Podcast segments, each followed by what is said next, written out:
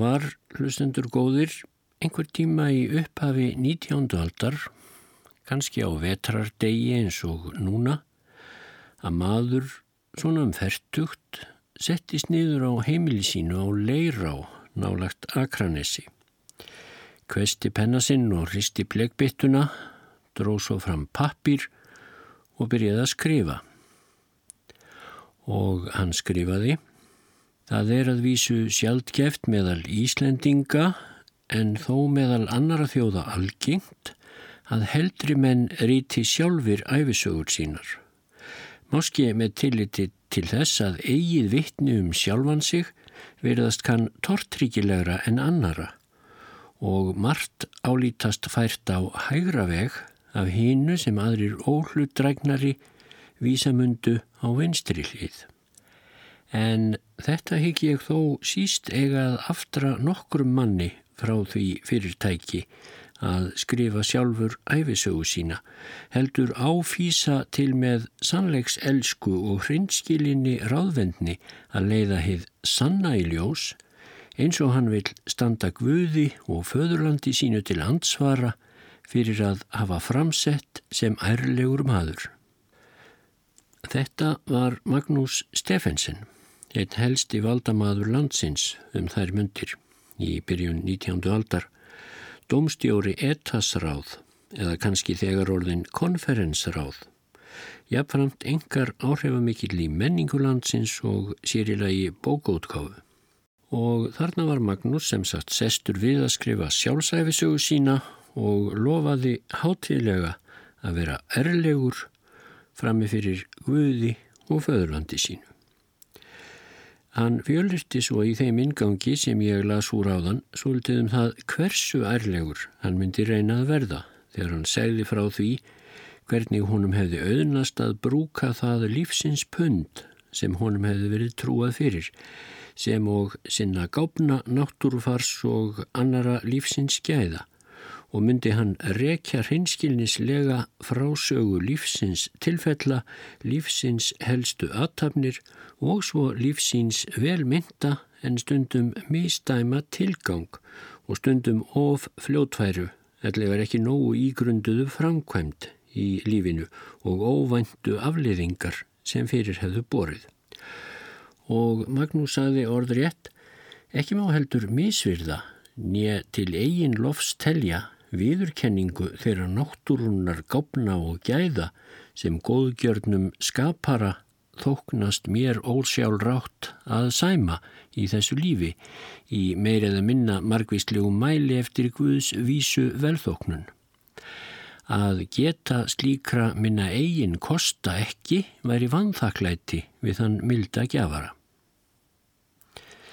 Engin þarf hins vegar að venda í þessáttar ríti æfisöguminnar að skriftagangur um eigin þekta bresti og breskleika höfundarins verði lagður fram fyrir almenningssjónir líkt og í hjáttningum Rousseaus þar sem hann játar margar stór vammir í fari sínu sem leittu yfir hann almennt ámæli meðal margra þjóða.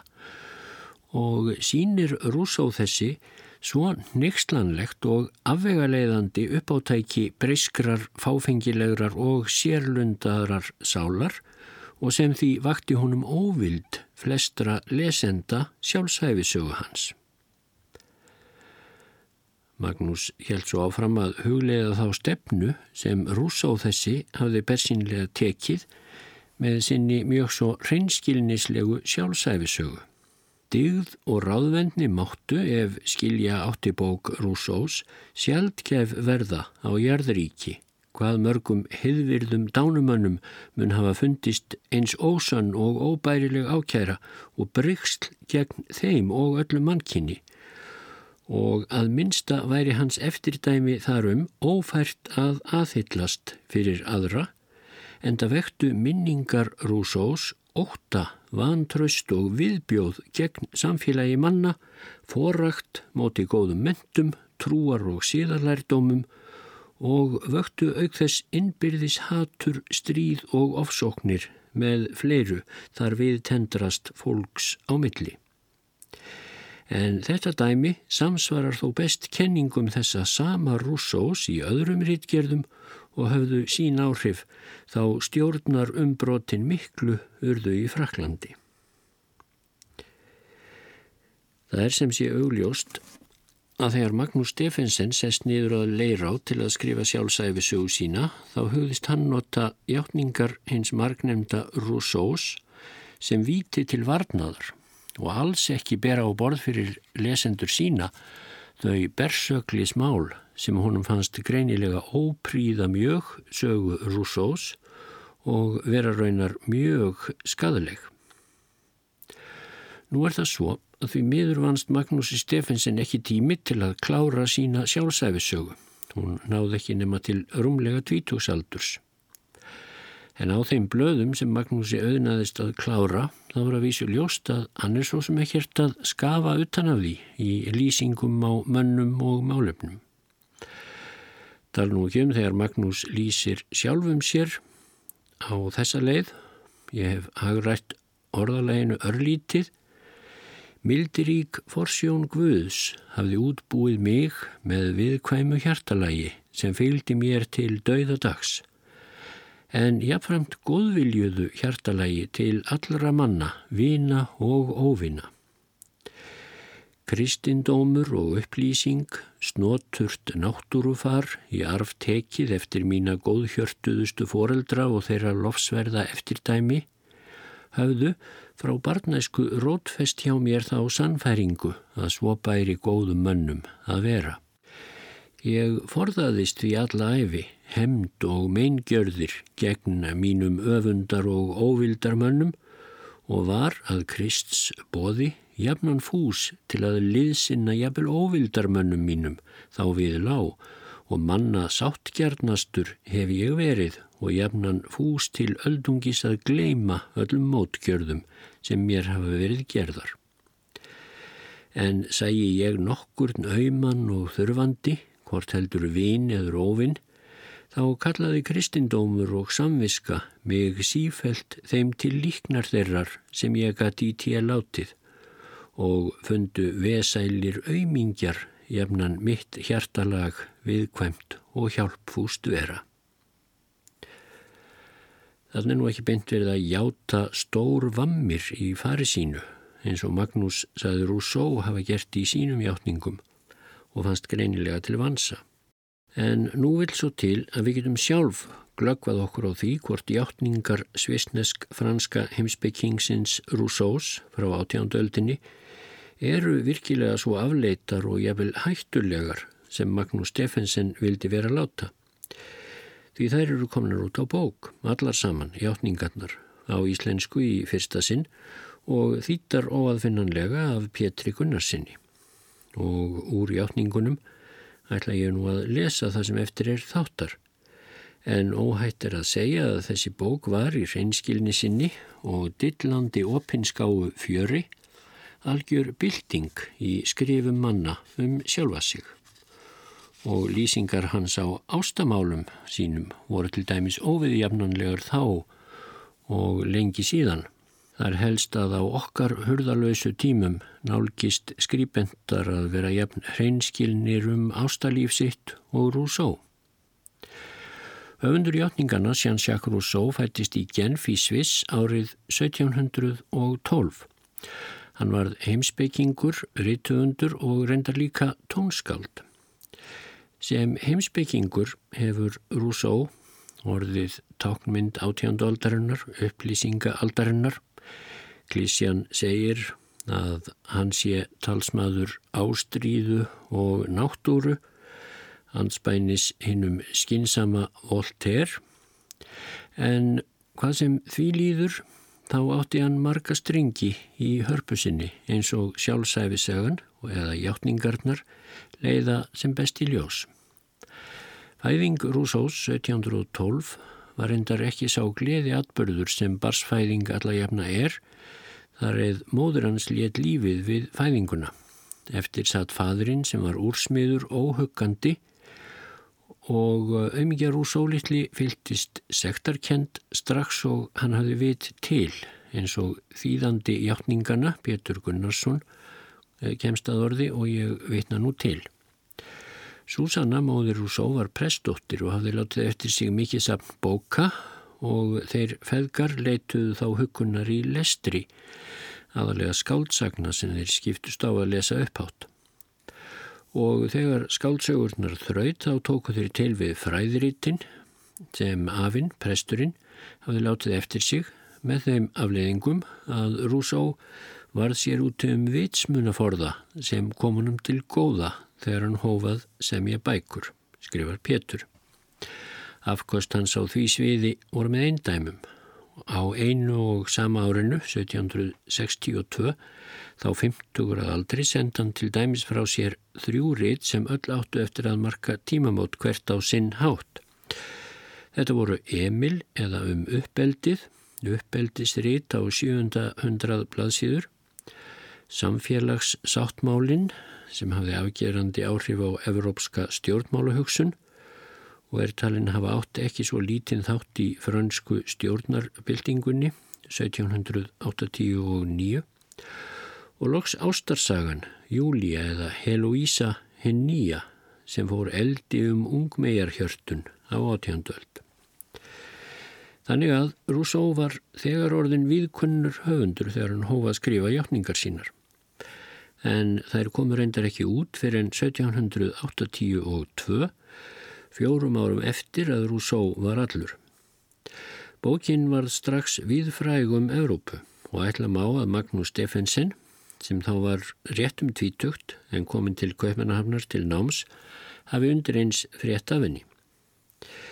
Ég veit ekki hvort Magnús las frönsku sér til gagns. Hjáttningarnar kom ekki út á dönsku fyrir henni aldarlog 1798 svo hann hefur þó kannski bara verið tilturlega nýbúin að, að lesa bókina sjálfa þegar hann settist niður til að skrifa eigin sjálfsæfisögu að leira á. En svo ég vitni áfram til Pétur Skunnarssonar Tildrögin að hjáttningum Rúsós má reykja til nafnlaus nýðrýts Rödd þegnana hétta og byrtist þegar Rousseau var á hátindi fræðar sinnar í Fraklandi en höfundurinn reyndist vera sjálfur Voltaire, keppinautur Rousseau um hilli almennings. Og Voltaire spyr hvernig það megi vera að maður sem hefur gefið öll sín börn, fimmatölu, nýfætt til kirkjunar, sé að leggja öðrum línurnar í uppeldismálum. Þessi skrif Voltaires voru sankallað reyðarslag fyrir Rousseau sem tekur til við hjáttningarnar með það að útskýra hvernig það mátti og hlaut að verða og draga ekkert undan. Eða með orðum Rousseau sjálfs, ég ætlaði að takast á hendur verk sem á engan sinn líka og mun aldrei verða endur tekið. Ég hyggst byrta samferða fólki mínu mann sem er í öllu eins og hann kemur fyrir af hendi náttúrunnar og þessi maður er ég sjálfur. Ég ætla að hefja lesturinn í fymtu bók Játningarna. Þar er komið svo sögu að hinn 16 ára gamli Rousseau hefur strókið úr vist sem yðnemi í Sviss og haldið yfir til Fraklands. Hann er þá vegalös og allslaus og grýpur til þess ráðs að leita á náðir hefðarkonu, frúti Varens að lafni, sem hafði þá köllun að liðsynna þeim sem vildu gerast kathólskir en Rousseau var að sjálfsögðu mótmælenda trúar eins og landar hans í Sviss. Með Rousseau og frúnni takast miklir kærleikar, hann kallar hann ávalt mömmu og hún gengur honum í langþráðan móðurstað, skýtur yfir hans skjólshúsi og útvegar honum vinnu við manntal hans hátegnar konungsins en Rousseau drep leiðist vinnan og dreymir um að hasla sér völl sem tónlistarmadur auk þess sem áhugi hans á kvennfólki vex stöðugt. Og hefst nú bara átt að lesturinn en heyrum fyrst svo litið sínisotn af þeirri tónlist sem tónskaldið Rousseau samti þegar best létt fyrir honum.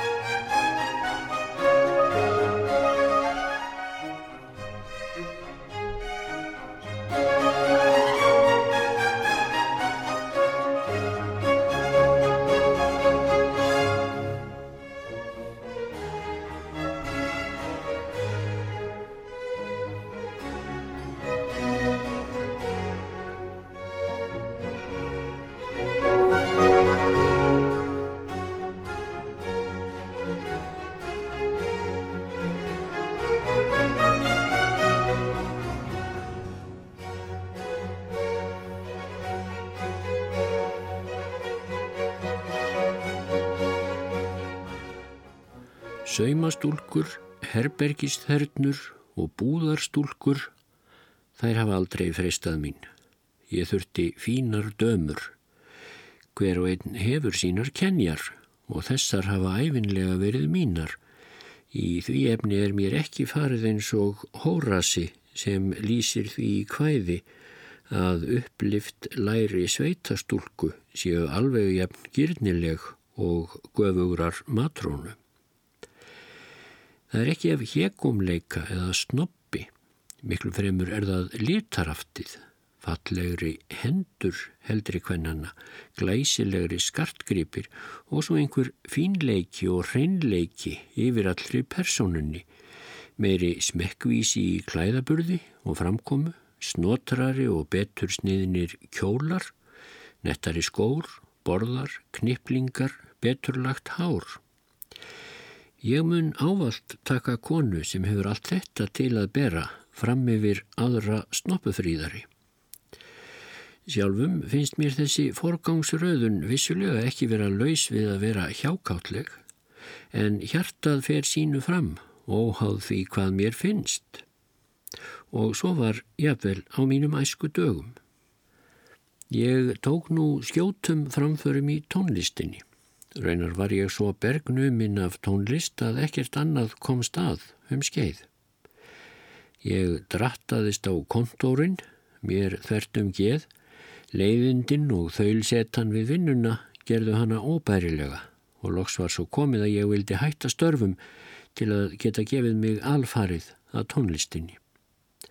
Eins og getur nærri mætti þetta uppóttæki mótstöðu að segja lausu heiðvirðu starfi með örugartekjur til að hlaupa á eftir óvissum nefendum var einum of vittlust til að hugnast mömmu. Ég vil að því gefnu að framfærir mínar væri ég miklar og ég vildi vera láta, þá þótti það ekki bera vottum mikil metnað að ætla sér að gera tónlist að æfistarfi. Það var hennar háttur að vera með stórbrótin plön og hún lagði ekki sama mat á mig og til dæmis herra Dubon.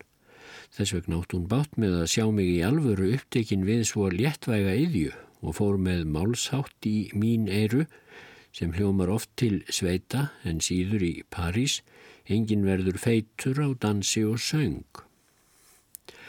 Á hinbógin skinjaði hún að ég var á ofurvaldi ómótstæðilegurar löngunar. Tónlistar ástríða mín hafði snúist í æði og allt stemdi í að hún kæmi niður á vinnunni. Það var bara tímaspursmál hvenar ég erði rekinn frá manntalsskrifstofunni og skömminni til skarra að ég færi sjálfviljugur. Ég leitinni ennfremur fyrir sjónir að þessi vinna væri ekki til langframa.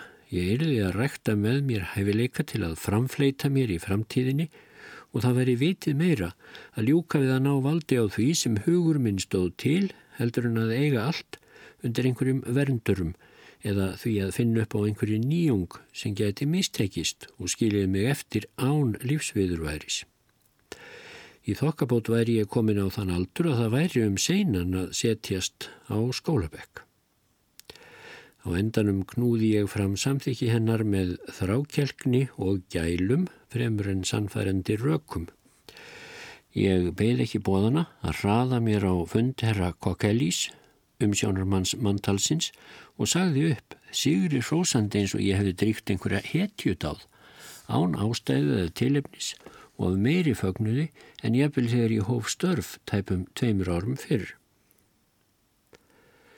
Það var ekki laust við að þessi ákvörðun, vittlaus eins og hún var, aflaði mér álits sem átt eftir að koma mér að gagni. Sumir töldu mér til tekna hæfileika sem engin innistæða var fyrir og þeir voru líka til sem álíktuðu að hæfileikar mínir væru í samræmi við fórnina sem ég hefði fært, að með viðlíka ástríðu fyrir listinni hliti hún að verða mér leiðutöm. Í landi hinn að blindu er hinn nærsýni kongur. Ég áfann mér nafn sem góður kennari af því hvað hinnir voru lélegir. Að auki var ég opinn fyrir söng og hafði útlítið með mér. Þannig að þess var ekki langt að býða að ég væri komin með fleiri nefendur í tónlist en ég þurfti til að jafna launin sem ég fekk á mantalinu. Varðlega er hægt að gera sér í hugarlund þegar lífstægindi eiga í hlut að hægt sé að fara með jafn skjótum hætti frá einum augum til annara. Við manntalið var ég bundin áttastundir á dag við sálar drepandi yðju í félagskap sem var að sama skapi leiðinlegur. Lokaður inni á ömurlegum kontor þar sem loftið var mettað andfílu og svita frá öllum þessum búralegu mönnum, flestum illa kemdum og skítugum. Að þurfa að innbeita sér í þessum döini, þrengslum og leiðindum var slík þólraun að mér lág yfirlega við yfirliði. En núna, núna var ég umlökin og umvafin heldra fólki eftir sóttur á hennum bestu heimilum. Allstaðar mætti mér viðmót sem var í senn virðulegt, blíðulegt og hátílegt. Nú byðu mín fallegar og vel uppfærðar stúlkur og tóku mér fagnandi. Fegurð og smekkur hvert sem litið var ilmur af blómum og rósum. Það var sungið, spjallað, leið og sleið og létta strengi. Leiðin lág úr einu húsi í annað þar sem það sama var allstaður upp á teiningnum. Menn hljótað sjá að valið var ekki erfitt og það meira segja fyrir sömu laun og á mantalinu. Ég var svo ánaður með hlutskipti mitt að ég átti aldrei eftir að yðrast þess og yðrast þess heldur ekki þessa stundina þegar ég veg og meta lífi mitt á hvarða skinseminnar, lausundan miður gáfulegum áformum sem knúðu mig þá.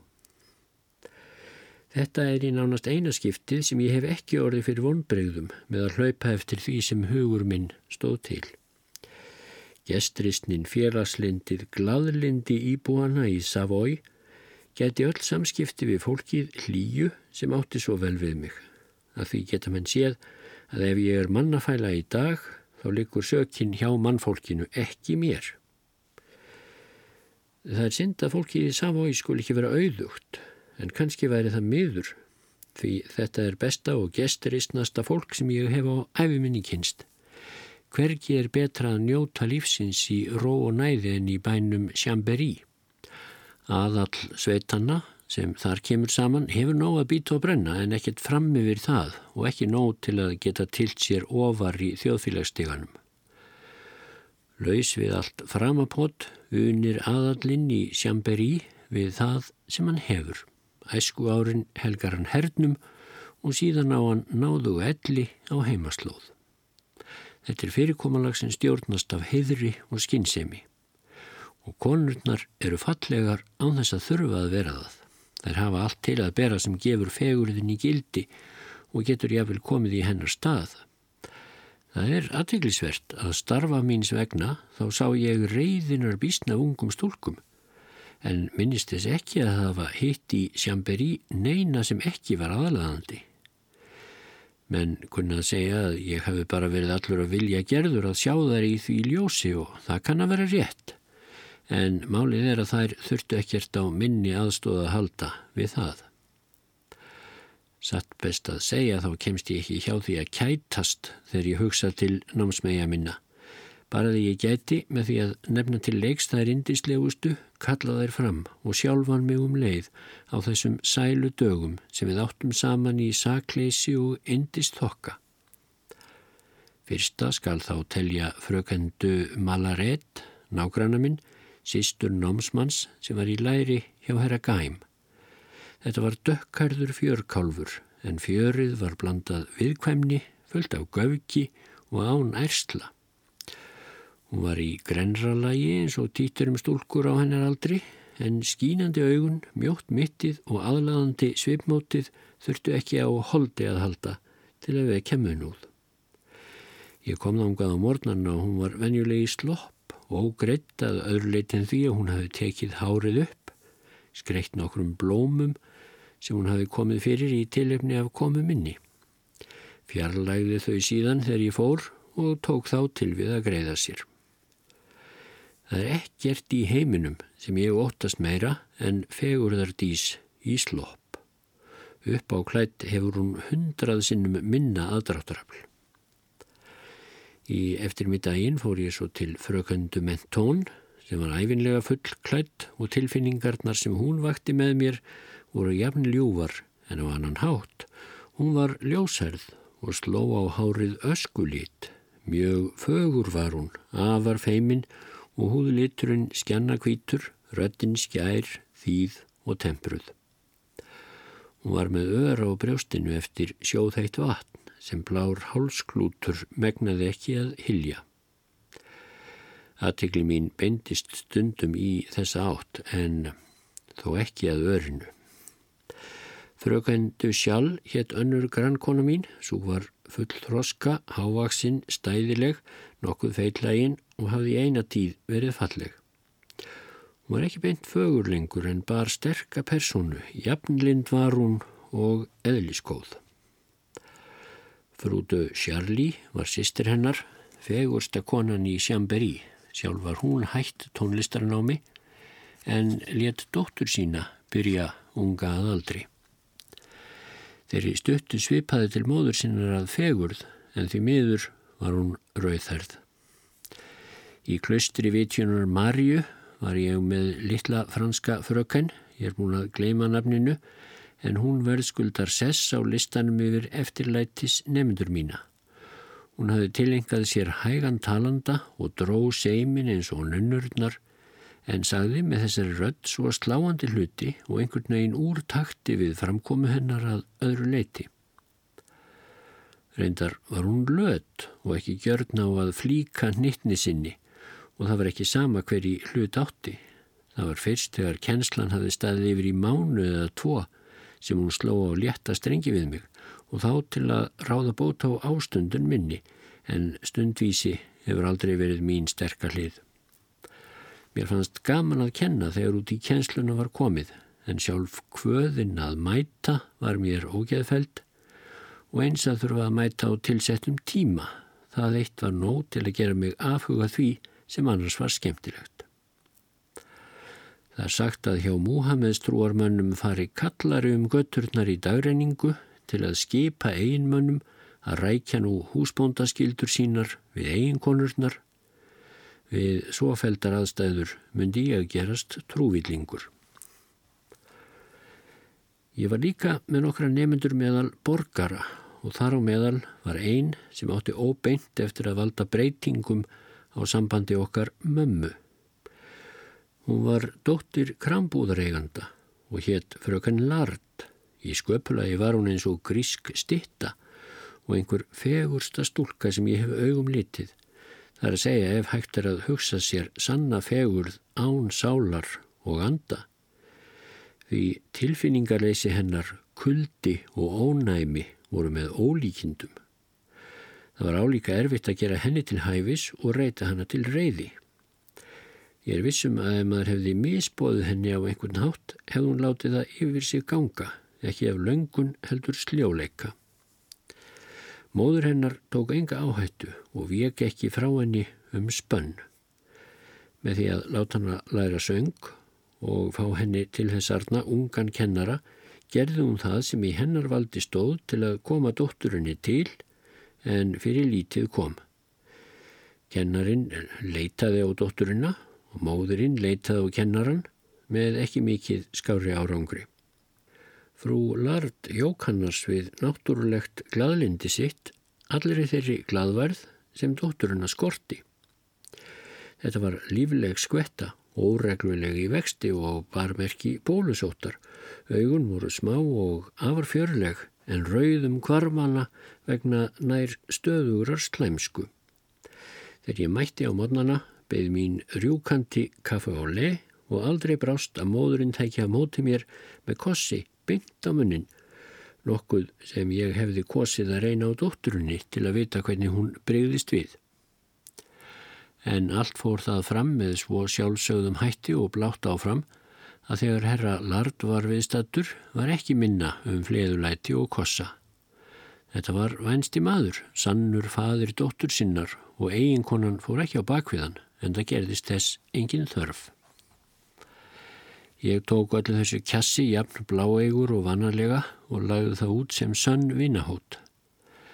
Þetta gatt samt verið stuðandi á köplum því hinn líflega frú Lard sló ekkert af og ef mig hendi að skauta fram hjá búðinni án þess að koma við, let hún mig heyra það. Ef ég var í tímaþröng neittist ég til að taka á mig krók, vel vitandi að það veri hægara í að komast en úr að losast þegar hún var annars vegar. Eh, frú Lard síndi mér annars svo mikinn áhuga að ég komst ekki hjá því að fá áhuga á henni. Þreyfingar hennar snertu mig djúft og ég myndist á það við mömmu eins og ekkert væri að fela og ég hafði þótt svo hefði verið raunin hefði ég engað síður sagt mömmu alltaf létta því það var mér lífsins ómögulegt að leina hana neinu. Hún gætt lesið í hjarta mitt eins og Guð almáttur. En mér til undrunnar tók mamma þessu ekki eins létt og ég. Hún merti strax þreyfingar sem ég hafði bara séð vináttuvott. Henni þóttir endar einbóðið að frú Lard hefði einsett sér að svifta mig sveindómnum og myndi með einhverjum ráðum ná að koma fram vilja sínum. Og hún var ekki á því að láta annari konu eftir að innvíja skjólstæðingsinn og vildi forða mér frá þeim gildrum sem aldur minn og ástand gerðu mig berskjaldadan fyrir. Um líkt leiti voru aðrar snörur lagðar fyrir mig, öllu hættulegri sem ég náði að forðast, en gerðu að verkum að henni varði ljóst að þær hættur sem vofðu stöðugt yfir mér gerðu nöðsynlegar allar þær varúðar ástafanir sem mömmu var fært að inna af hendi. Frú Greifinjan af Mentón var móður einnar af námsmegjum mínum, gáfuð kona og ílgjörn eftir því Sagt var að hún bæri ábyrð á ófáum misklíðar efnum og þar á meðal var eitt sem hafði haft alvarlegar afleiðingar fyrir Antremont fjölskylduna. Mamma var nógu náinn henni til að kannast við karakterinn. Alveg óvart hafði hún vakið áhuga náunga sem frúin af mentón lagði á girndarhug og kunninni litlar þakkir fyrir. Þótt hún hefði ekki gert neitt til að verðskulda slíkt hvað þá léð máls á því og upp frá því reyndi frúin af mentón ítrekkað að klekja á keppinutti sínum en hafði ekki erindi sem er við. Ég ætla til dæmis að taka að segja frá einu þessar atvika og jáfnframt í hlægilegasta. Þær voru eitt sinn saman í lautarferð með nokkrum aðalsmönnum úr nágrenninu og þar á meðal var vonbyðvillin. Frúin af mentón sagði þá við einn af þessum herramönnum að frúti Varens, eða mamma, væri hreinasta tepra í alla staði púkaleg og klætti sig ömurlega og hún bæri hálsklút eins og hverjunur borgarakelling. Já, einmitt, sagði maðurinn umrætti, ég veit ástæðuna, nefnilega að hún er með fæðingarblett á brjóstinu sem líkist róttu. Svo nauða líkur að það er eins og hún sé lífandi, þessi rótta. Hatrið á sammert með ástinni að gera menn trúkjarna. Frúin af Mentón var staðræðu nýjað njóta góðs af þessari uppljóstrun og einn daginn þegar mamma var að spila við hinn vanþakláta vonfríðil sinn þá lettist hún að baki keppinutti sínum og með því hálfpartin að velta um stólnum tókst henn að fjarlæga hálsklútin. En í stað róttunar feitu þá blasti við nokkuð annað sem herramanninum var ekki auðvelt að gleima, þar að segja fagurmótuð brjóst frúti varens og þannig snýrist vopnið í höndum frúarinnar. Ég var ekki til þess fallin að vekja aðtikli frúarinnar af mentón sem tók ekki í mál að umgangast aðra en gófnaljós. Samt var ekki lust við að hún veitti mér aðtikli ekki vegna útlitsins sem hún hafði örglega engan áhuga á, heldur vegna orðurum sem gáfur sem af mér fór og hún taldi að hún geti nýtt sér í hag. Hvæða satýrur voru hennar upp á hald og hún lagði sig eftir að semja háðvísur um fólk sem henni mislíkaði við. Ef hún hefði talið að ég hefði nægilega hæfileika til að hjálpa henni við að hnoða saman þessum vísum og nægilega þjónustu lund til að festa þeir á blað, þá hefði þess ekki verið langt að býða að við tvö settum sjamberi á annan endan. Menn hefðu rakið þessar nýðvísur til upprunans og frúin af mentón hefði bjargað eigin skinni með því að fórna mér og ég hefði mögulega þurft að dúsa í fangjelsi þar sem eftir livði æfinnar til að venja mig af því að eirkja háð um heiðvirðar dömur. En sem betur fór var það ekkert úr þessu. Frúin af mentón bauð mér tvísvar eða þrísvar í mat til að hlýða á mig tala og eftir það áleit hún mig algjört fýbl. Það fór ekki fram hjá mér og ég tók út kvalir og horfi öfundar augum til hæfileika vinar míns Ventúrs en hefði í raun átt að vera heimskuminni þakklátur fyrir að bjarga mér frá voða. Í augum frúarinnar af mentón var ég söngkennari dóttur hennar og ekkert umfram það. En fyrir vikið lifði ég líka friðsömu lífi og var æfinlega vel þokkaður í Sjamberi. Og það var mun betra en að vera gápnaljós í hennaraugum en eiturpatta í áliti annara.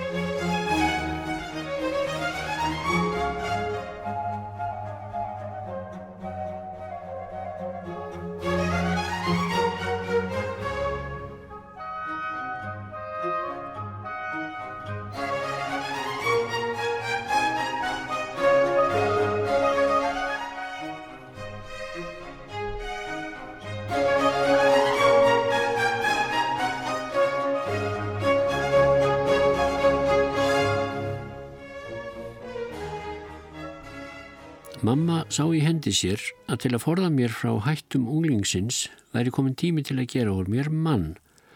Og það gerði hún. En á þann sérkennilegasta máta sem nokkur kona hefur áformað við svipaður kringumstæður. Hún var alvarlegri í bræði og ábúðar meiri en hún átti vanda til. En venjulega voru ráðleikingar hennar blandnar galsa. En nú var komin einhver alvöru gefin tótn sem var korki afslappaður nýja strangur og það var eitthvað annað og meira sem undir bjó. Eftir að hafa brotið heilanum hverju þetta sætti spurði ég hana beint út og það var eins og hún hefði verið að býða eftir því. Hún stakk upp á því að við tækjum okkur göngutúr næsta dag í gardinum litla og til þess kom strax næsta morgun. Hún hafði búið svo um hnúta að við verðum látin einn allan daginn og notaði hann til að búa mig undir dekkur sem hún hafði í higgju að auðsýna mér. Ekki eins og hvenna er síður með sjónarspili og tilbörðum, heldur tiltali sem var fullt af tilfinningum og rökum frekar ætlað til að upplýsa en táldraga og talaði satt að segja meira til hjartans en kvatana.